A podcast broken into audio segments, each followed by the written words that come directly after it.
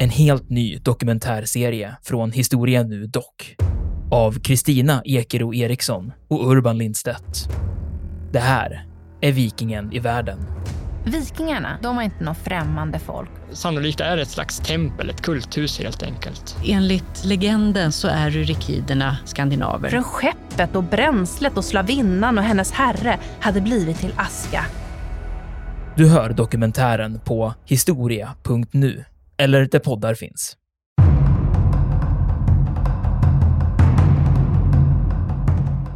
Man förstår varför det här, det här kriget på sätt och vis har blivit så mytomspunnet. Av de här, för det är så mycket sådana här händelser som, som sker nu. Att, men den här ballongflygningen av, av eh, de, liksom den, den personen som ska rädda Frankrike, Hoppar in i ballong, åker iväg och sen samlar ihop en jättearmé av, av eh, liksom civila människor som, utan någon speciell träning men som ska liksom rädda den franska nationen. Och det är hela tiden den här drömmen om revolutionskraften, att man ska kunna frammana den känslan som man hade 1792 till exempel och att man ska kunna rädda nationen med den. Liksom. Äh, och, och samtidigt då som Paris är inneslutet där.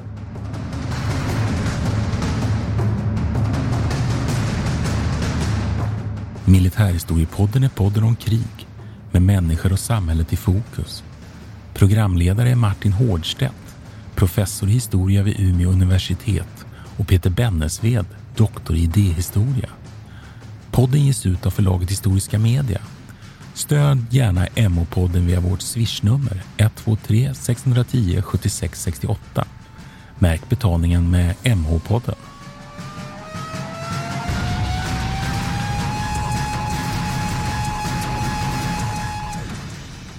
Välkomna till eh, Militärhistoriepodden. Mitt namn är Peter Bennesved. Och jag heter Martin Nordstedt. Och eh, idag ska vi snacka om fransk-tyska kriget 1870 till 71. Och det här tycker jag är lite, eh, det är lite en bubblare inom militärhistorien för mig tycker jag. Det, är lite så, det har hamnat lite i skymundan och det är rätt vanligt att när jag kollar bland mina källor, bland fortifikationsofficerare och sådär från 1900-talet, så refererar man väldigt mycket till 1870-71 och händelserna där, framförallt belägringen av Paris. För den får en väldigt så stor symbolisk roll då under 1900-talet. Vilket är rätt märkligt. Det finns ju många andra krig under 1800-talet som också är viktiga. Krimkriget och sådär, bland annat. Men just, eh, just 1870 blev väldigt symboliskt. man kan väl säga att fransyska kriget är väldigt betydelsefullt om man ska förstå första världskriget och, och, och 1900-talets konflikter sen. Det är den största militära konflikten i Europa ska vi säga. Sen har vi amerikanska inbördeskriget, lite på hur man då räknar. Så att fransyska kriget är väldigt intressant. Det är den sista stora stormaktskonflikten i Europa innan första världskriget. Och det gör ju att de erfarenheter man drar från det här kriget, bland annat fortifikation som du var inne på och talade nu om, eller stridstaktik, strategi, hur man, hur man organiserar och, och värvar soldater och så vidare, det får väldigt stor betydelse. Så därför är det här väldigt, väldigt, väldigt viktigt krig. Men som du säger, märkligt nog lite bort, bortglömt. Och så är det väl ofta med de här 1800-talens konflikter, att vi glömmer dem därför att vi är så fokuserade på första för att inte prata om andra världskriget. Så att jag tycker att fransk-tyska kriget alltid varit för mig eh, har varit väldigt intressant och väldigt betydelsefullt. Och förstår man för eh, fransk-tyska kriget 1870-71 då förstår man också väldigt mycket mer av de här andra mm. konflikterna. Mm. Precis. Och man kan väl, får jag bara öppna upp med en sak och säga till exempel en sån person som de Gaulle som får väldigt stor betydelse under andra världskriget. De Gaulle som ju blir ledaren för det fria Frankrike i, i Storbritannien som också är en av de få som ju är anhängare av samlade pansardivisioner inom den franska armén då inför, inför andra världskriget. Han vallas runt på de här slagfältet från fransk-tyska kriget av sin pappa. De Gaulle kommer ju sen att delta i första världskriget och sen i andra världskriget. Och han lär sig att hata tyskarna och inympas i honom en vilja att detta får aldrig mer upprepas, detta förnedrande nederlag från fransk-tyska kriget. Så där, där tycker jag bara att som ett exempel på hur betydelsefullt det här kriget är för en hel generation av ledare, politiker och militärer mm. i Europa. Och när man ska diskutera då um, militärdoktriner så är det också det här eh, behovet av att, så att säga, belägra och bekämpa huvudstaden eller på något vis sänka huvudstaden blir ju extremt symboliskt här. Och det är det som, det är det som mina källor då hela tiden diskuterade. Ja, men eh, om vi, vi måste bevara Stockholm framför allt, vi måste försvara Stockholm då, och i deras fall handlar det om från luften. Så det är, det är intressant att se hur de här kopplingarna då kommer från hur man utvecklar 1900-talets militärdoktriner och strategier utifrån de här gamla erfarenheterna. Ja, då kan vi kanske börja med att det här fransk-tyska kriget och dess orsaker, då, det, det, har ju sin grund i läget i europeiska storpolitiken och där ju Tyskland vid den här tiden är inne i, i ett, en enande process. Och där ledarna i Tyskland, framförallt ju Bismarck som är rikskanslern, men också den preussiska kungen och personerna kring de här två eh, sufflerade och uppbackade av den militära ledningen, framförallt då med, med den här fältmarskalken Molke i spetsen, men också krigsministern von Rom. Eh, de arbetar ju aktivt för att ena Tyskland som ju vid den, vid den här tiden nu, precis före eh, fransk-tyska kriget, så har man ju redan utkämpat två militära konflikter. Först 1864 mot Danmark och sen 1866 mot Österrike och man har skapat ett nordtyskt förbund. Så att man kan säga att Tyskland, Tyskland är här, för att förklara det lite enkelt, halvenat skulle man kunna uttrycka det, under eh, preussiskt ledarskap. Så det som franska kriget först och främst kommer sen att bli då, det blir det sista steget i den här enandeprocessen.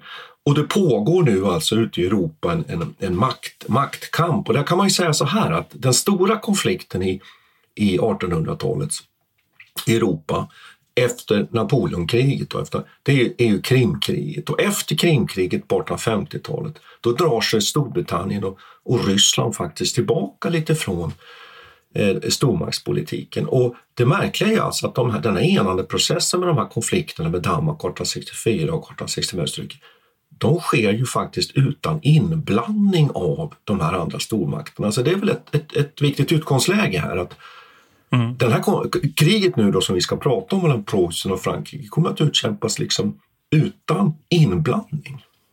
Ja, det är intressant det här. Varför blir det ett begränsat krig egentligen? Och då finns det ju, och då har jag läst en, en intressant artikel som diskuterar det här om eh, den eh, europeiska konserten. Att det finns ett uttalat intresse då från stormakterna i Europa och runt om att man helt enkelt inte vill att det här ska eskalera till en stor konflikt, vilket man annars kunde tänka sig. Så att det, Ryssland och Storbritannien och, och Italien utropar ju sig bland annat, ja de blir ju neutrala på en gång. Och det får, gör ju att det här, det här kriget också får en väldigt unik karaktär tycker jag. Eh, som återknyter också till den här tidens stora tänkare, eller som senare skulle populariseras i alla fall. Och det är Carl von Clausewitz som diskuterar det här om att krig är liksom förlängningen av politiken. Och det här kriget blir ju väldigt symboliskt i den bemärkelsen för att det är i princip så att Bismarck har ju det här intresset av att ena Tyskland och gör, genomför det här snabba kriget, eller försöker i alla fall till en början.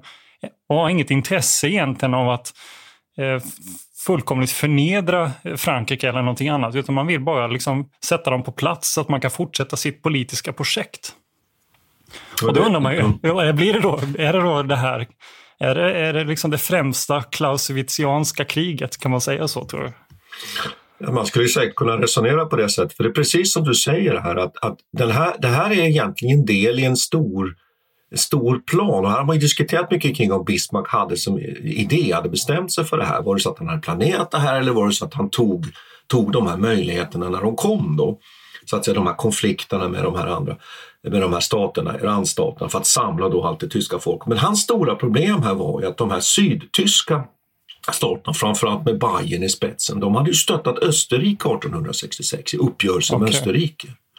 Och det gör ju att hur sjutton ska han få med sig de här sydtyska staterna? Jo, då, kom, då visste han en sak, att här katolska då syd, sydtyska staterna, de protestantiska nordtyska staterna. Det fanns en sak som de här katolska sydtyska staterna ändå hatade mer än Preussen, för man var ju ändå skeptisk mot Preussen och preussisk överhöghet, ja det var fransmännen. Och då, då kan man säga så att egentligen kan man säga nu då, om man, om man nu vill se det här som en plan, att Bismarck sätter i verket en plan, då är det helt enkelt så att det är lysande. Han får ett krig med Frankrike där Frankrike dessutom så småningom kommer vara den, den stat som faktiskt anfaller och då försvarar man tyskheten och då får man med sig de sydtyska staterna med i det här kriget. Och då är han ju halva väg, eh, på väg in i det här slutliga enandet av Tyskland utan Österrike. Det är viktigt att komma ihåg. här. Så, att, så att jag tror absolut att man skulle kunna säga att det här är ett klaus, klausuistiskt krig i någon mening.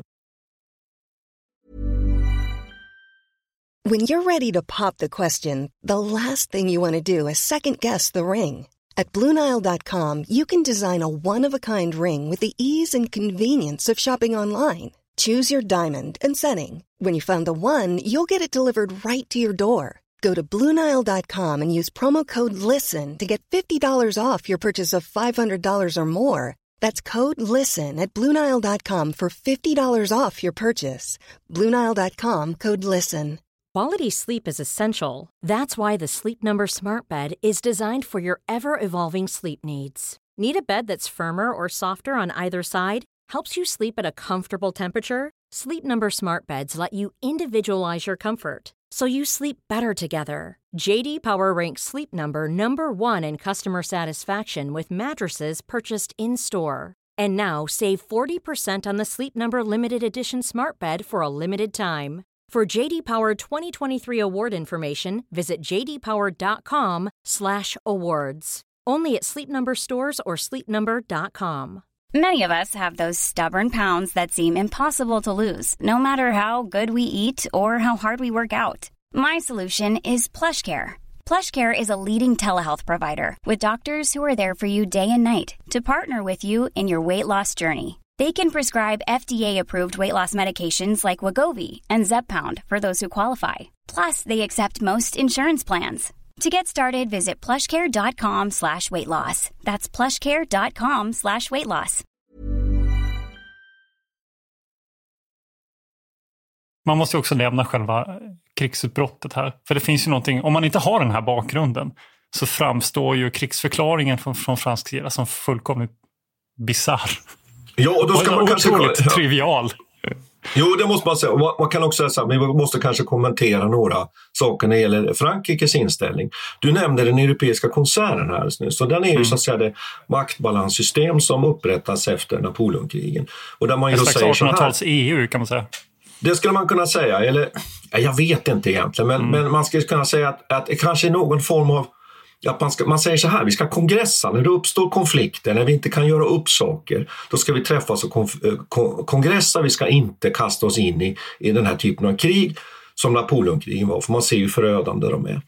Och Krimkriget då på 1850-talet är ju egentligen det enda första brottet mot den här freden i Europa. Och sen så följer det ju under 1850-60 och där vi nu kommer fram till 70-talet en serie konflikter. Och de beror ju på i det här fallet att, att de här förskjutningarna i det här maktbalanssystemet i Europa, det har att göra med ekonomi, med demografi, att olika stater börjar bli starkare och också nationalismen som drivkraft. Så det är det det handlar om här, att Preussen har blivit ekonomiskt, industriellt oerhört starkt. Man börjar få en större befolkning. Man, man, man, be, man vill helt enkelt ha rätt till en, en, en, en större plats i sto, solen helt enkelt.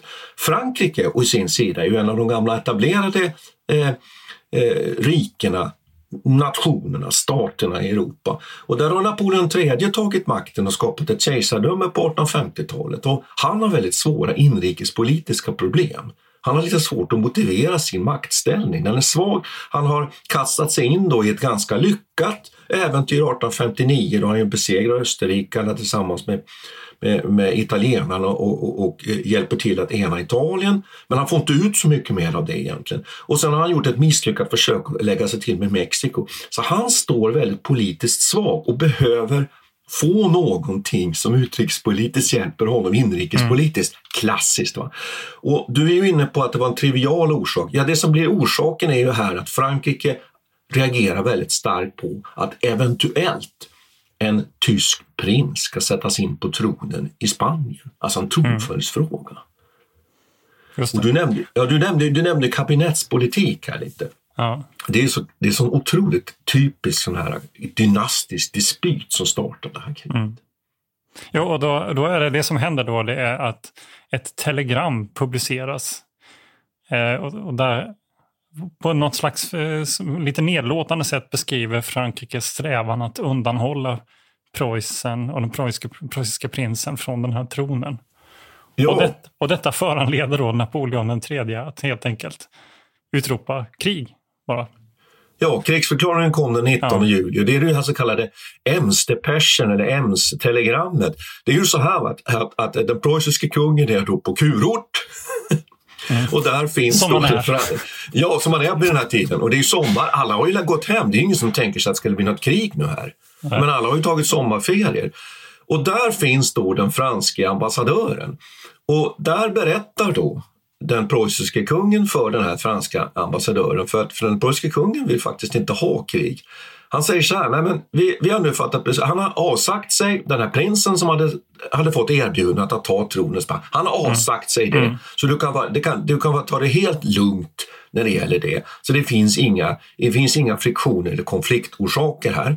Och sen skriver, då träffar han den franska ambassadören faktiskt i trädgården där och diskuterar detta. Sen skickar han då ett telegram till, till Bismarck där han säger och avrapporterar nu har jag kommit överens med den franska ambassadören om detta, allting är grönt, allting är klart.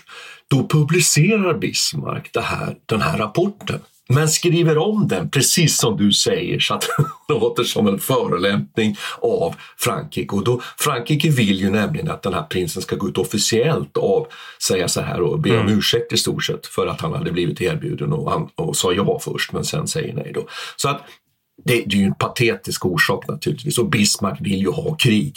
Och så kommer krigsförklaringen den, den 19 juli och Napoleon den tredje vill eller vill inte ha men ser ju ändå att detta kan gynna honom någonstans. Då. Så då är kriget igång där plötsligt mitt på sommaren. Och vad händer då? Ja, då har vi två stycken krigsmakter här som är oerhört olika. Väldigt, väldigt olika.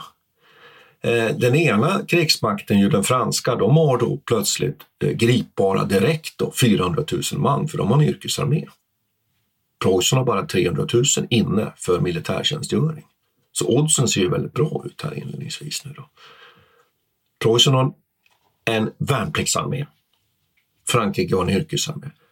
Och det som kommer bli så betydelsefullt sen här är ju att preussarna kan ju när de växlar igång och drar igång sin mobilisering, ja de har ju en miljon man till i reservister och någonting som de heter lantvärn. Alltså det är liksom utgångspunkten här nu med de här två olika systemen. Det tycker jag är jättespännande. Att det är två stycken, man med, med så olika utgångspunkter nu här då. Okej, och sen mobiliserar de. Och det här är ju också någonting som är väldigt omtalat när man håller på med krigshistoria, eller teknikhistoria. Ska jag säga. Eh, Den här mobiliseringen som sker, för det här är ju ett av de krigen som man börjar prata om Eh, järnvägen och dess betydelse. Och även tele, eh, den här telegrafen och möjligheterna till kommunikation. Och även tidssystemet som vi lever med idag har sitt ursprung under den här perioden. Och det här med tidtabeller och den här typen av liksom ganska strikta scheman för hur man hanterar tågavgångar och sånt. Och det, här är, eh, von Moltkes planering här ska ju ha blivit legendarisk i den bemärkelsen att man helt enkelt lyckas mobilisera den preussiska armén väldigt snabbt. Via järnvägen ut till gränserna, ut till gränsområdena. Sen är det samtidigt lite omtvistat det här. Eh, och huruvida det verkligen var någon stor vinst, den här typen av järnvägslogistik. För att det är ju så svårt rälsen tar slut så att säga så är man tillbaka på eh, Napoleoneran egentligen. Då är det marsch som gäller och då är det hästar och, och eh, logistik på ett helt annat, på ett helt annat sätt. Ja, det, det, det, jag kan- jag kommentera det direkt och säga precis som du säger att man har ju ofta gjort det här till det stora järnvägskriget. Och även 1866 års krig har man pekat på att där skulle järnvägen ha haft stor betydelse. Man har också pratat om amerikanska inbördeskriget, det kan man ju flika in direkt att de europeiska militärerna var inte särskilt intresserade av amerikanska inbördeskrig, det tyckte man var ett amatörkrig. Och det hade de ju naturligtvis fel, där kunde de ju ha sett väldigt spåret och många olika saker som hade hjälpt dem eh, när de eh, själva gick i krig i Europa då 1866 och sen 1870-71 som vi pratar om idag. Men du har helt rätt i detta. Järnvägen den tippar liksom av de här trupperna där vid gränsen. Och, och det gäller sen senare när man kommer in i, i Frankrike också. I slutändan hamnar man alltid som du säger att marschera eller dra allting man behövde på eh, vägar med vagnar. Så det gör ju att det här kriget är inte ett fullt utvecklat liksom, järnvägslogistikkrig. Men samtidigt måste det ändå ha bidragit till att det här ganska snabba förloppet, för det, det pågår ju bara under egentligen ett halvår kan man säga, Man säger 1870 till 71, men det är ju för att det sätter igång här i juli, i augusti. Eh, Fjärde augusti ja, den 4 augusti, precis. De första Ja. striderna. Eh, och sen så avslutas det med vapenstillestånd här i slutet av januari eh, Ja, och 1871. kapitulationen för, vid, vid Sedan, förlåt, alltså första september. Det är liksom, det går ju väldigt, väldigt, väldigt fort vad som du säger. Ja. Och det är klart att absolut att man för in de här enorma, och det är klart att järnvägen hjälper till att föra fram alla de här stora mängderna av, av trupper. Men, men just det där att det liksom man kallas, nästan kunna, man kunna kalla det där lite för en mytbildning. Att här, här att som du, som du säger, att Moltkes så här enorma planering och att man ju har i, i Preussen en generalstab och att man har planerat det här kriget. Det har man gjort ända sedan 1866. Så när man besegrat Österrike då börjar man direkt att planera för hur sjutton ska vi hantera ett krig med Frankrike. Eh, I Frankrike å andra sidan, där har man ingen generalstab och stor planering med, med, med 60-70 liksom officerare som sitter och bara planerar olika avdelningar och jobbar med, som du var inne på, allt från tidtabeller till allting. Nej, där är det mycket mer ad hoc. Napoleon drar igång det här, det går oerhört segt den här eh, mobiliseringen, dåliga planer. Och det man ju har här, fransmännen har ju tiden på sin sida inledningsvis. här. De har, 300 de har 400 000, de är, de är numerä- numerärt överlägsna inledningsvis. Och det de är rädda för det är ju den här preussiska mobiliseringen här sen att, med, med reservister och så vidare. Och då kan man ju fråga sig, varför anfaller man inte? Varför kliver man inte över gränsen? Men man har ju en plan om att landsätta. Det är ju det här, det är barock idé nu då. Så nu har de tänkt sig att de ska landsätta via Nordtyskland då. Ja, för att störa då den här preussiska mobiliseringen. Och, och det här det kommer ju, kommer ju alla att kunna genomföras då därför att man är för sent ute. Och bland annat de här flottstridskrafterna, för man är ju överlägsen till, till sjöss. Fransmännen har en mycket större flotta. Så det blir ju aldrig någonting av den här landstigningen. Och sen har man då tänkt sig att man är så inställd på en defensivt förhållningssätt. Det man tänker sig är ju att, att den preussiska armén ska liksom få, få anfalla in i den franska armén och att man då taktiskt på slagfältet helt enkelt ska åsamka preussarna större förluster. För det menar man att man har lärt sig av 1866 års krig. Och nu är vi väl snart lite inne på, på, på vapen här och taktik tror jag faktiskt, som också har stor betydelse här. Därför att det här fransk-tyska kriget, det kommer i väldigt liten utsträckning att liksom bli, något- bli det stora strategiska planernas krig. Att man har stora idéer som till exempel första världskriget, den här Schlieffenplanet till exempel. För hur man, utan det, det kommer mer att bli på det sättet att de här två arméerna söker upp varandra och sen där det uppstår en strid, ja då där koncentrerar man sig och så drar eh, striderna igång eh, på riktigt allvar. Så att, eh, så att det, här, det här taktiska uppträdandet, för det här är två arméer med, som har väldigt stor skillnad här. Och det, du som är teknikhistoriskt intresserad så är det väldigt intressant med vapenutvecklingen vid den här tiden skulle jag vilja säga under andra hälften av, av 1800-talet. Och där vi har det där chasse på geväret som ju den franska armén har, som ju helt överlägset det preussarna har. De kan öppna eld på ända upp till 1200 meter, till och med 1600 meter, den franska armén. Så det betyder att när preussarna anfaller så möter de alltså eld redan på en kilometers avstånd. Det får ju stor betydelse naturligtvis. Va? det betyder att defens defensiven är väldigt stark då för, för den franska armén. Hi, I'm Daniel, founder of Pretty Litter. Cats and cat owners deserve better than any old fashioned litter. That's why I teamed up with scientists and veterinarians to create Pretty Litter. Its innovative crystal formula has superior odor control and weighs up to 80% less than clay litter. Pretty Litter even monitors health by changing colors to help detect early signs of potential illness. It's the world's smartest kitty litter. Go to prettylitter.com and use code ACAST for 20% off your first order and a free cat toy. Terms and conditions apply. See site for details. Flexibility is great. That's why there's yoga. Flexibility for your insurance coverage is great too. That's why there's United Healthcare Insurance Plans. Underwritten by Golden Rule Insurance Company, United Healthcare Insurance Plans offer flexible, budget friendly coverage for medical, vision, dental, and more. One of these plans may be right for you if you're, say, between jobs, coming off your parents' plan, turning a side hustle into a full hustle, or even missed open enrollment. Want more flexibility? Find out more about United Healthcare Insurance Plans at uh1.com. Quality sleep is essential. That's why the Sleep Number Smart Bed is designed for your ever evolving sleep needs. Need a bed that's firmer or softer on either side? Helps you sleep at a comfortable temperature? Sleep Number smart beds let you individualize your comfort so you sleep better together. JD Power ranks Sleep Number number 1 in customer satisfaction with mattresses purchased in-store. And now save 40% on the Sleep Number limited edition smart bed for a limited time. For JD Power 2023 award information, visit jdpower.com/awards. Only at Sleep Number stores or sleepnumber.com.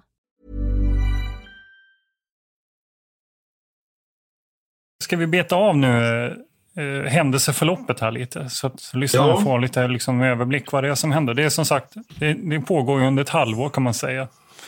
Ja. Och, och vi ska tillbaka till Sedan också. Vi pratade ju förra avsnittet om eh, Guderians våghalsiga... Precis, under, under andra världskriget, ja precis.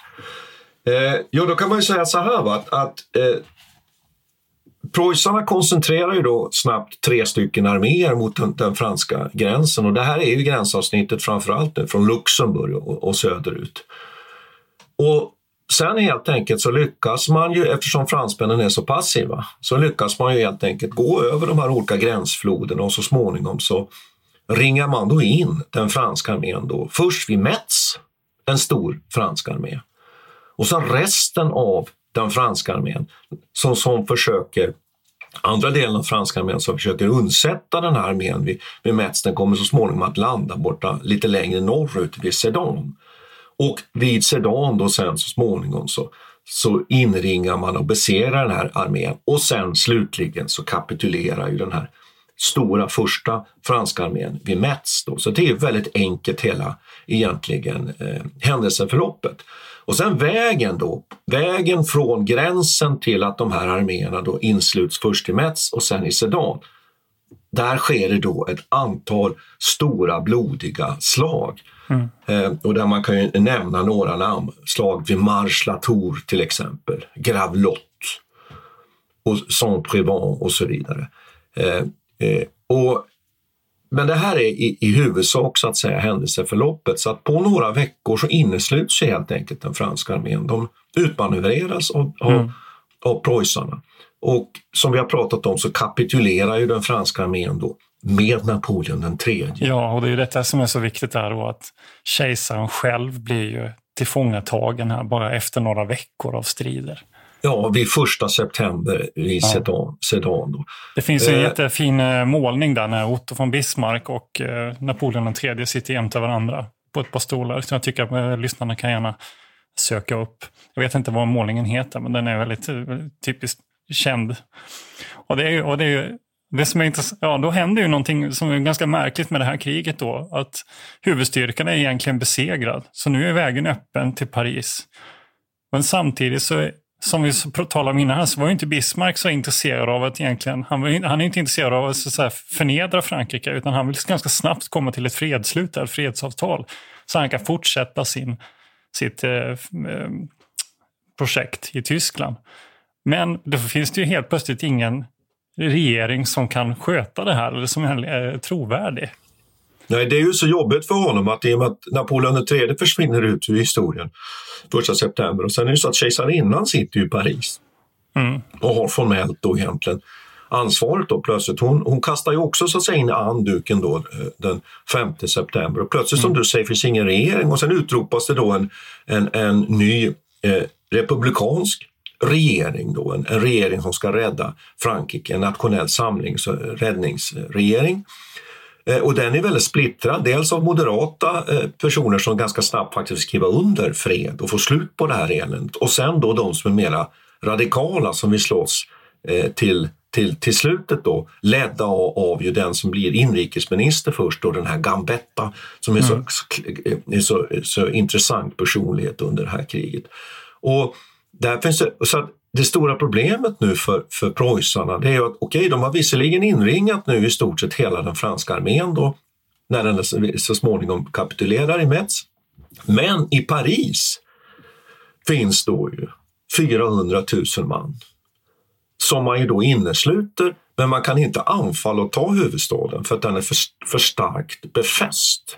Samtidigt då som den här Gambetta som ju för övrigt, han, ja, han, han, han flyger faktiskt luftballong. Han flyger ja, det är luftballong. otroligt det dramatiskt. Helt, fantastiskt. Han flyger i luftballong i början på oktober ut för att få igång då en sån här, vad ska vi kalla det för, man, man kan väl säga en gräsrotsrörelse och inleda liksom ett totalt krig mot, mot preussarna och samla ihop då en massa frivilliga.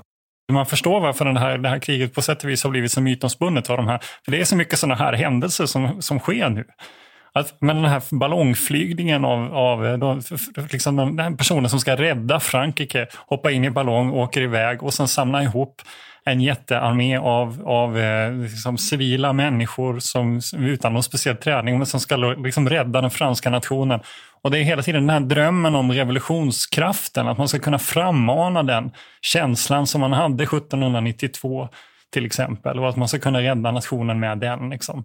Äh, och, och samtidigt då som Paris är inneslutet här. Jag, jag hittade en hel del eh, information om hur man använder liksom brevduvor och sånt här för att kommunicera. Och den här ballongen, här, man skickade ju många olika ballonger så det var inte bara Gambettas, men det var som en, en, måste ha varit en väldigt märklig stämning här i den här stan under den här belägringsperioden. Det pågår ganska länge också, det är ju över är det 132 dagar egentligen, så under hela hösten egentligen så, så pågår ju det här. Ja, och man, och man, kan också säga att man, för, för att liksom förstå det väldigt komplicerade händelseförloppet så är det liksom två skeenden. Dels är det den här ockupationen av Paris som pågår. Och där man ju då så småningom får till ett stilleståndsavtal och där de preussiska trupper så småningom kommer in i Paris i början på mars. Men sen har man då det här som händer utanför Frankrike och de där är lite skilt ifrån varandra. Och sen som du nämnde det här Gambetta, så han lyckades stampa fram då ungefär en 600 000 man. Det finns lite olika siffror på det där. Men problemet är bara att de har inga officerare. Det finns inga generaler, det finns inga överstar, det finns inga officerare överhuvudtaget. De, de är, är, är, dåligt utrustade, dåligt utbildade. Så det blir ju aldrig någonting av, av det här. Och sen kan man väl också nämna att, att man sätter också igång det finns någonting som heter Frank, Frank Thieur, Frank, Frank Thieur, alltså eh, man kan väl säga civila och eh, desertörer som börjar liksom föra någon sorts grillakrig mot de här preussiska trupperna som skjuter på på natten och från, från bostäder, från skogar och så vidare. Så att det blir ju ett väldigt, väldigt en ny dimension på kriget här, en, en form av liksom nästan smutsig krigföring där ju preussarna svarar med enorma repressalier.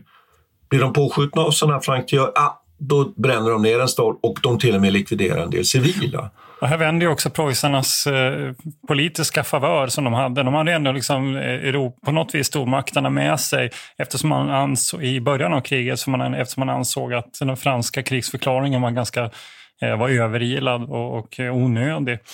Men här, när man väl kommer fram till Paris, då, då vänder ju krigslyckan, eller den, ska säga, den politiska krigslyckan på det viset att man inte har Europa med sig länge om man, man tycker att preussarna beter sig eh, brutalt. Eh, dels med de här eh, som du nämnde då, att man eh, bekämpar liksom civilbefolkningen på olika vis. Men också de här eh, bombardemanget mot Paris som sen kommer. Det sätts igång först i januari. Men det har också blivit väldigt mytomspunnet här. Men man skulle kunna diskutera hur man, hur man faktiskt ska göra det där. Och, och det hävdar du då att Bismarck var, var mer mån om att sätta igång det där tidigare när vi pratade igår om det. Ja, och jag tycker att, att, att eh, det som är jättespännande är att det här är ju så att säga ett skolboksexempel på det här som, som man brukar prata om, just kampen mellan eh, de politiska beslutsfattarna och de militära mm. beslutsfattarna. Vem ska ha så att säga det, politikens primat eller militärens primat? Och det här blir väldigt aktuellt och betydelsefullt när vi kommer längre fram, framförallt första världskriget. Att här har vi alltså Bismarck som är politisk ledare som du har varit inne på. Han vill ena Tyskland, han vill snabbt vill han ha fred med Frankrike, han vill mm. pressa fram detta. Han är beredd att börja bomba Paris. Terrorbomba Paris helt enkelt därför att få de här fransmännen att förstå att nu är det allvar, nu måste ni skriva under freden. Och det är det han vill, för han är, han är också under press, han är under politisk press, för han väntar mm. att alla de här stormakterna nu ska börja lägga sig i detta och tvinga mm. Preussen att göra fred innan man har fått det där man ville ha, nämligen Elsass-Lottring eller Elsass-Lorraine mm. som det heter på franska. Han vill Men ha de på sin sida då, när man läser hans äh, egna skildring av det här kriget så menar han ju att man vill, gärna, man vill inte sätta igång bombardemanget av Paris på en gång då, utan man vill vänta tills tills befolkningen är utmattad efter en tids blockad och, och sådär. Och svälten sätter igång omedelbart och man äter råttor och, och, hundar och allt möjligt på de franska restaurangerna och så vidare. Men, eh, och det, men det är också ett logistiskt problem som anknyter till det som vi pratade om tidigare. Han, jag hittade lite siffror här som jag tycker är spännande. Och då, är det så, då ska de släpa fram alltså 300 grova artilleripjäser med ungefär 500 skott vardera. Och detta skulle då föras från nu kan inte jag uttala franska namn så bra, Nantiel kanske. Det är alltså en liten by som ligger eh, nordöst om Paris egentligen. Och det var bara dit som rälsen gick, som man hade tillgång till. Eh, det här i, i, i september oktober. Och detta för att för, föra då alla de här pjäserna och ammunitionen från eh, Nantiel till Paris, då behövde man alltså 4 500 fyrhjuliga fordon och över 10 000 hästar. Så någon större nytta av rälsen hade man inte i det här läget och då menar von Moltke helt enkelt att att genomföra ett bombardemang tidigt gick helt enkelt inte av logistiska skäl. Och dessutom då att man ville vänta tills Parisbefolkningen var knäckt.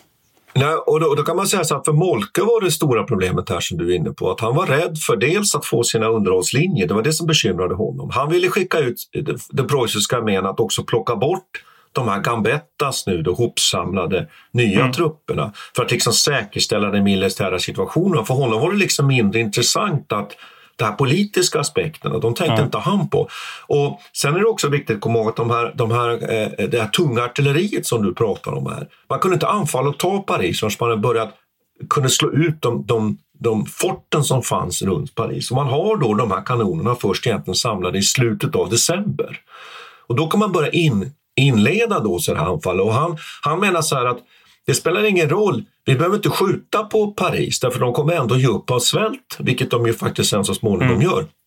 Och Därför betyder det att jag behöver inte sätta in en massa preussiska trupper, eller det är helt onödigt att skjuta på civila. Så det är lite, lite märkligt här att Molke i det här fallet, militären är ju alltså den moderata här därför att han ser ingen mening med det. Medan Bismarck är då ur vårt perspektiv den brutale. Mm. Men det viktiga är ju här att här, här tävlar man alltså. Det är en väldigt hård diskussion mellan då, då ena sidan här, de politiska beslutsfattarna med Bismarck i spetsen och eh, eh, Molke. Så småningom blir det ju så att det blir ju Bismarck som får bestämma här faktiskt. Man terrorbombar inte fullständigt Paris men man inleder ju så småningom bombardemanget av Paris. Och man börjar ju sen så småningom att, att plocka fort efter fort men även skjuta så att civila dör. Även om det är så att det dör ju färre ska ju sägas i bombningarna än av svält. Det är viktigt mm. att komma ihåg. Ja, nej, visst. Det är, det, är, det är lite olika siffror på det där. Man säger att man sköt av ungefär 400 000, lite mer än 400 000 skott mot Paris eh, under tre veckor egentligen i januari där, eh, innan vapentillståndet inträdde. Så det kom ju ganska sent då. Och, och, då är det lite olika siffror på hur många som har dött och då säger man mellan 400 och 100 kan man väl säga. Eh, det, för, för det liksom varierar. Men det är ju som du säger, de här siffrorna måste ju det, låter, det blev ju väldigt propagandistiskt viktigt och symboliskt viktigt, det här bombardemanget. Och kanske kanske kan man väl se det som också ett, eh, ett försök att från den nutida krig, vad ska man säga, historieskrivningen, att på något vis lyfta fram exempel på där man bombar liksom civila platser i skuggan av 1900-talets händelser. För om man jämför de här siffrorna med det som hände sen under Pariskommunen, och jag vet, ja, vi får bara nämna det kort för det är så stort själva Pariskommunen, det som inträdde under våren här 1871. Men där dör ju alltså över 20 000 människor i Paris. Medan de här bombningarna står för, för väldigt lite. Väldigt, och det, ska vi, vi kanske kan, kan, kan förklara det där då just att det kommer ju sen så småningom att man gör då ett antal utbrytningsförsök kan man ju säga då. Mm. Från den här stora garnisonen inne i Paris så tänker man sig att, att man, man skulle kunna bryta sig ut kring den här, från den här preussiska ringen och sen ansluta sig till de här mindre då Eh, eh, eh som finns ute i Frankrike. Bland fanns det då en sån här samling av franska trupper norr om Paris. Man tänkte att man skulle kunna eh, förena sig med den och sen då så att säga återuppta då krig för det aktiva krigföringen mot preussarna. Den 19 januari gör man det sista det här utbrytningsförsöket. De leder egentligen bara till stora förluster. Sen så småningom kommer det ett vapenstillestånd i slutet av januari. och sen så småningom så så eh, skrev man under en preliminär fred och man genomförde också ett, ett, ett val i, i, Frankrike där man då får en ny, ny eh, regim och den person som heter Thiers som kommer att sättas, sätta sig då som, han blir så småningom eh, republikens president efter kriget här. Eh, och då inne i Paris i, i mars och april som du nämner då, då utbryter ett uppror. Ett anarkistiskt, kanske möjligtvis också lite socialistiskt uppror som man brukar kalla för Pariskommunen under ett par månader. Och det här slås ju så småningom ner då mm. av republiken av Thiers faktiskt. Med preussisk hjälp? Med preussiskt stöd, men med franska ja. soldater. Det är viktigt att komma ihåg. Så den här Pariskommunen mm. är väldigt intressant och den blir väldigt blodig där man då arkebuserar då militärer och ärkebiskopar och mm. alla som sätter sig upp mot det här. Så att Frankrike är vid den här tiden väldigt, väldigt, väldigt illa ute. Men jag tycker att om vi återgår till den här just eh, diskussionen mellan det militära och det civila så tycker jag att det är någonting som är väldigt, väldigt spännande. Vem är det som ska fatta beslut? Om man tänker sig lite om hur det går till lite idag i en demokratisk stat så är det alldeles självklart att det är politikerna som fattar besluten när krigen ska inledas, när de ska avslutas, vilka mm. krigsmål man ska ha. Sen har man mer militärerna som som rådgivare och, och experter i någon mening. Medan här är det alltså så att de militära kraven de styr de här politiska besluten då i kamp med de här politiska målen som Bismarck mm. har. Det här är någonting som, som, som man har anledning att återkomma till som när det gäller till förståelsen för första världskriget, varför det kriget fortsätter. Just detta med mm. det är liksom det krigets krav som, mm. som anger, anger målen utifrån, det, utifrån krigets krav man formulerar de politiska målen. Då. Så att den här brytningen och kampen mellan det politiska och det militära mm. tycker jag är någonting som man kan ja. lära sig av franska kriget som är väldigt intressant. Ja, det, det påminner väldigt mycket om eh, fredsslutet här under första världskriget sen och eh, dolkstötslegenden och det som så vi får säkert kan prata om vid något annat tillfälle. Ja, så en annan sak som du var inne på, som mm. du var inne på nämnde här, att det sker ju liksom någon form av brutalisering här som man har diskuterat väldigt mycket. Alltså ja, är, det så, ja, att, är det så att man nu här, preussarna har blivit misstänksamma mot Frans, är det därför man är så brutal i vissa avseenden under första världskriget? Att man arkebuserar en hel del civila faktiskt då under det kriget? Ja, det finns eh, ju några, några historiker som menar då att det, det, det, eh, den här man kan eventuellt diska, eller det man, det man debatterar är huruvida eh, man ser spåren av en, en brutalisering av kriget. Och du nämnde det här innan, Gambettas liksom total krig och så. Att man på något vis, eh, Eh, från att ha varit det tidiga kabinettkriget här i början av, av eh, 1870 till att sen bara eskalera och bli mer total krigföring.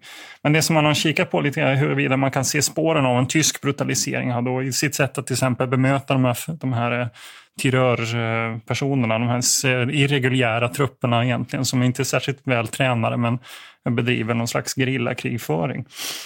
Och framförallt så tittar man då på Tysklands beteende i Belgien 1914 där över 6 000 civila ska ha fått sätta livet till i olika försök att eh, liksom, slå ner uppror eh, och, och att det skulle då ha kommit av en erfarenhet från 1870.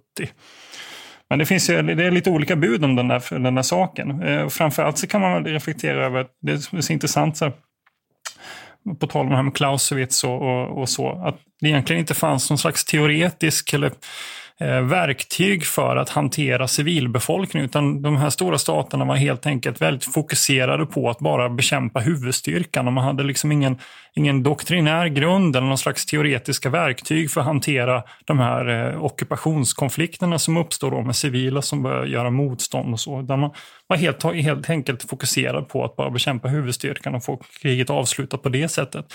Så att eh, mycket av brutaliteten då kan härledas till att man helt enkelt inte vet vad man ska göra.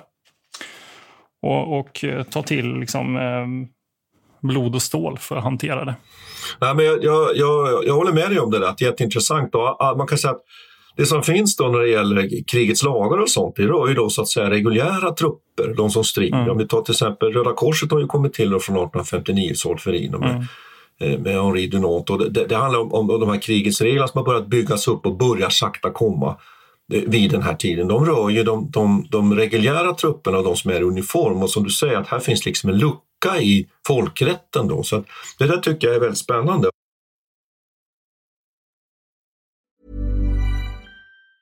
Planning for your next trip? Elevate your travel style with Quince. Quince has all the jet setting essentials you'll want for your next getaway. Like European linen premium luggage options, buttery soft Italian leather bags, and so much more. And it's all priced at 50 to 80% less than similar brands. Plus, Quince only works with factories that use safe and ethical manufacturing practices. Pack your bags with high-quality essentials you'll be wearing for vacations to come with Quince. Go to quince.com slash trip for free shipping and 365-day returns. Normally, being a little extra can be a bit much, but when it comes to healthcare, it pays to be extra.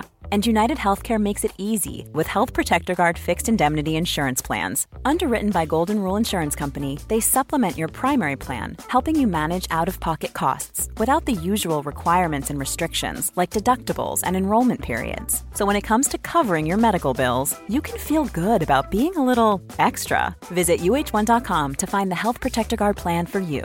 Mom deserves the best, and there's no better place to shop for Mother's Day than Whole Foods Market. They're your destination for unbeatable savings, from premium gifts to show-stopping flowers and irresistible desserts. Start by saving 33% with Prime on all body care and candles. Then get a 15-stem bunch of tulips for just $9.99 each with Prime. Round out Mom's menu with festive rosé, irresistible berry chantilly cake, and more special treats. Come celebrate Mother's Day at Whole Foods Market. En sak som vi kanske måste komma in på här också, det är ju varf, varför fransmännen egentligen militärt förlorar det här kriget. Varför är det så att den här yrkesarmén eh, som mobiliserar så snabbt som den gör inte rår på att besegra då en värnpliktsarmé? När man dessutom, som jag ju var inne på, eh, hade ett överlägset infanterigevär. Varför klarar man inte av att vinna det här kriget? Och det här är ju en sån där eh, fråga som, som man ser genom att eh, titta lite ut på nätet, att det finns många, många olika uppfattningar om det här. Men då kan man väl enkelt säga så här att, att preussarna, de hade väldiga problem att komma in på fransmännen därför att de kunde öppna eld på väldigt långt avstånd. Men fransmännen var låsta i en, i en taktik där man hade bataljonen som den minsta, minsta enheten. Ungefär 600 man skulle vi säga idag. Och då låg man kvar och sköt. Och när preussarna insåg att de, det är ju så att alla de här slagen egentligen under fransk-tyska kriget, de, de går till på följande sätt. Fransmännen har skaffat sin position, preussarna anfaller. Då anföll inte preussarna i bataljon utan de anföll i, i, i kompanikolonn. Och så hade man framför sig hade man trupper som var utspridda, vi skulle kalla det för jägarstrid lite, som skärmade av och som kände av vad fransmännen var. Och det inleddes alla strider med att preussarna går rakt in i elden, har enorma förluster. För det kan vi konstatera här sen när vi pratar lite om förlustsiffrorna, att det är inte så stor skillnad på dem egentligen mellan de här två länderna. Mm. Då inser preussarna att vi kan inte anfalla här, vad ska vi göra? Ja, då tar man fram, för man har ju själv ett, ett eget infanterigevär, Dreyfusgevär som bara når hälften så långt, men som är snabbskjutande. Ja, då tar man in artilleriet, för nu kommer något väldigt intressant militärtekniskt. Man har ett överlägset artilleri som kan skjuta på tre kilometers avstånd. Och så utsätter man fransmännen för mördande eldgivning och de största franska förlusterna de är på grund av artilleriet. Och när artilleriet har malt ner fransmännen, ja, då kan preussarna med sin flexibla anfallstaktik i kompanikolonner, plutonskolonner, nästan, vad ska jag säga, eh, och med sitt ledarskap, nämligen att alla befäl och alla officerare själva fattar egna beslut. De har fått en målbild av sin högre chef, manöverkrigföringens liksom kärna. Och då helt enkelt utmanövrerar de de, de här passiva eh, fransmännen som bara ligger och egentligen förlitar sig på sitt infanterigevär. Så, så där går striderna liksom till i under frans, eh, Jag önskar att alla kriget. lyssnare kunde se hur, hur du sitter och, och viftar med armarna. Och viftar, ja. ja. Och, och, det är väldigt fascinerande. Och då kan man tycka så här, och det som är, så, det som är nu som, som du brukar säga, så sjukt här, det är att den slutsats man drar efter det här kriget, då kan man lägga till att fransmännens artilleri var mycket sämre också. Precis, att det var ombytta roller när det gäller infanterivapen och artilleripjäser mellan Preussen och Frankrike. Då drar man slutsatsen att det som avgör kriget är preussarnas vilja att ta förluster, att anfalla. Va? Mm. Och det blir det det man får med sig till nästa krig, det som är andra världskriget. Och då vet vi ju vilka förödande konsekvenser mm. det fick. Att man mm. menar att, att, att man ska anfalla med kraft. Så det är det man sen på något sätt poängterar i den militära utbildningen det här att just elan, som man kallar det på franska, att man anfaller liksom med, med helt dödsföraktat. Och om man mm. gör det tillräckligt kraftigt då kan man överkomma den här militärtekniska eh, överlägsenheten helt enkelt genom att klara av att ta förluster. Vad, vad, vad säger du om det sättet att tänka Peter? Ja, det är jättefascinerande. Jag, jag, tänker också på att det finns också ett behov här efteråt att liksom beskriva eh, den franska taktiken som, som eh, Eh, undermålig på olika sätt för att också motivera varför man förlorade kriget. För en väldigt stor del av det eftermälet i det här, om man då sakta flyttar över till ett annat spår, det är ju också hur franska folket och eh, och hur man helt enkelt hanterar den här stora förlusten. Och då blir det ju ett sätt att, så att säga, använda sig av den här typen av tänkande. Att man, ja, men, eh, preussarna de gjorde så här och, och då, då blir det liksom lite lättare att förstå sin egen förlust i det. Att på något vis gå vidare också. Så den här revanschismen som föds också i detta är ju väldigt intressant får man ju säga. Och att man då från franskt håll ser det som att man försöker förklara att ja, okej, okay, eh, Preussen vann det här, men eh, ni kommer också falla så småningom. Att man på något vis försöker vända på det här myntet och säga att deras vinst idag kommer vara en förlust imorgon. För ett sätt att eh, hantera sin, sin egen liksom, förnedring som, som det faktiskt blir. Jo, och jag, jag, jag tror att jag håller, jag håller, med om att man gör efterkonstruktioner där. Och det man också kan, kan säga här, jag är ju kvar lite i den här tak, taktiken, taktiken då, jag är ju lite intresserad av sånt här. Den är ju att, att om fransmännen i det här nu skeendet som jag ju beskriver här, när, när, när preussarna anfaller in i den här elden, får enorma förluster och liksom tappar andan där på något sätt. Om fransmännen i det läget då genomför en motat, motanfall, helt enkelt, med bajonetterna rakt fram, ja då kan mm. man ju tänka sig att de kanske hade vunnit några av de här slagen. Mm. Det gör man inte och där har vi ju någon, någon form av tänkande, frans, frans tänk att man inte tar mm. det initiativet eller någonting. Och sen har du nästa sak här som man ju skyller mycket på, eh, som du alldeles rätt är inne på. Man säger så här, men alla de här förlusterna som preussarna har, ja men de hade ju så många soldater över de bara pumpa in här och det är ju faktiskt sant att man kunde ersätta de här förlusterna och det finns till och med de som som, som refererar ibland till en sån känd diskussion mellan i den allra högsta ledningen mellan Nolte och hans generalstabsofficerare att man kan ta man kan ta alltså förluster. Vi kan förlora 20 000 man i, i ett slag, men vi kan lätt erkänna, ersätta dem, eller lätt, vi kan ersätta dem med reserver hemifrån. Det kunde inte den franska armén göra. Hade man 20 000 i förluster, ja, då hade man inga fler reserver. Så det är också en väldigt intressant sak här. Då. Men jag, jag håller med om att den här revanschismen som byggs upp i, i Frankrike, den är jätteintressant och att det finns alltså nästan rasistisk syn på varandra mellan fransmän och tyskar sen under de årtionden som följer här. Och också att, jag vill också nämna en sak till här, när det gäller kavalleristyrkorna det är det att eh, tyskarna använder kavalleri. De gör om hela sitt kavalleri egentligen från 1866. De har slutat använda dem som anfallsstyrkor. Utan man anfaller dem egentligen, använder dem i stort sett egentligen bara uteslutande för spaning, rekognosering. Och, att, att, eh, eh, och det gör ju att man vet vad fransmännen är. Och då förstår ju du vad fransmännen gjorde. Nej, fransmännen använde inte sina kavalleristyrkor på det sättet. Så de hade ingen aning om vad preussarna var, utan de hade dem som anfallsstyrkor. Ja. Och tyvärr är det ju så att man behåller ju kavalleriet från 1871. Och när man sen eh, Därför man drar inte rätt slutsatser ändå trots allt. Och vad, mm. vad händer sen när man sätter in dem på slagfältet i första världskriget? Ja, det går mindre bra kan man säga. Så att här, det här har vi en massa saker som är intressant. Men återgå till den där, den där revanschismen där som du pratade om så, så tycker jag att, att den är ju central. Den är ju central när vi ska förstå uh, första världskriget sen så småningom tycker jag. Man kan väl eh, Ska vi summera lite kring, kring, kring, fred, kring fredsslutet, vad konsekvenserna blir av det här kriget? Ja, vi kan vi, precis. Det är dags att, dags att runda av här nu. Nu har vi pratat 46 minuter. Ja, och jag, och jag tror att, att eh, det som ger det stora resultatet av, av det här kriget, det är ju naturligtvis att, att eh, Tyskland enas. Det är ju den ena saken.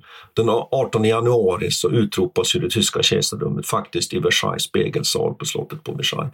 Och där kan man ju nämna det var mycket kort att de här sydtyska staterna var inte helt, eh, var inte helt på det klara med att de skulle ingå i ett tyskt rike efter det här kriget. De hade ju gått i krig mot fransmännen som de hatade mer än Preussen. Men man kan ju säga att, att, att eh, budskapet var ju väldigt klart. Mm. Eh, ni er inte så ockuperar vi er också. Så det var ju bara att gå med. Och så tyska riket etableras då eh, efter det här kriget och det är väldigt viktigt. Elsass, Lottringen tillförs Tyskland, stort krigsskadestånd, väldigt viktigt. Och som vi har varit inne på, Frankrike kastas ju in i en väldigt kämpig tid av politisk oro mm. och revansch, revanschistiska tankar efter Efter en, en konsekvens blir väl också att man rör sig mot Afrika från franskt håll. Eh, ganska snart efter här, 1881, så ockuperar man Tunisien. Och, och börjar drömma om ett, ett Frankrike som sträcker sig långt ner i Afrika. Och man börjar eh, liksom, diskutera saker som att man kanske ska bygga en räls rakt genom Sahara. och sådär.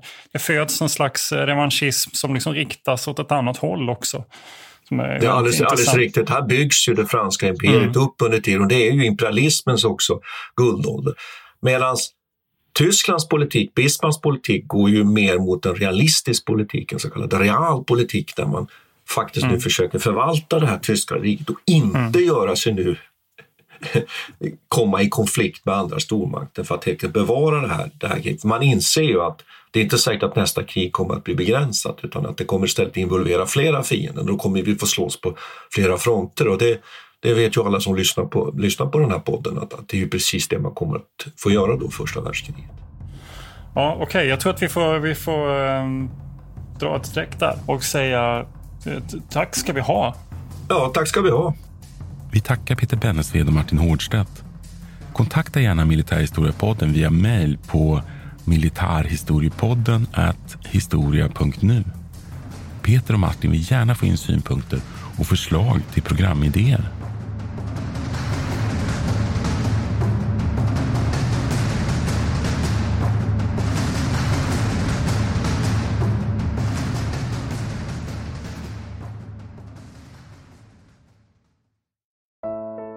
Iran har under 1900-talet genomgått tre omvälvande revolutioner som orienterat landet antingen mot västerlandets modell eller mot en auktoritär styrelseform. Idag pågår en social revolution i landet som vänder sig mot det islamistiska styret och vars anhängare har Europa och väst som förebilder. I en viktig bok ger idéhistorikern Mohammad Faslashemi en djupare förståelse för dagens dramatiska händelseutveckling. Iran mellan tre revolutioner är utgiven av förlaget Historiska Media. Beställ den fysiska boken på förlagets hemsida historiskamedia.se eller köp den i en bokhandel nära dig.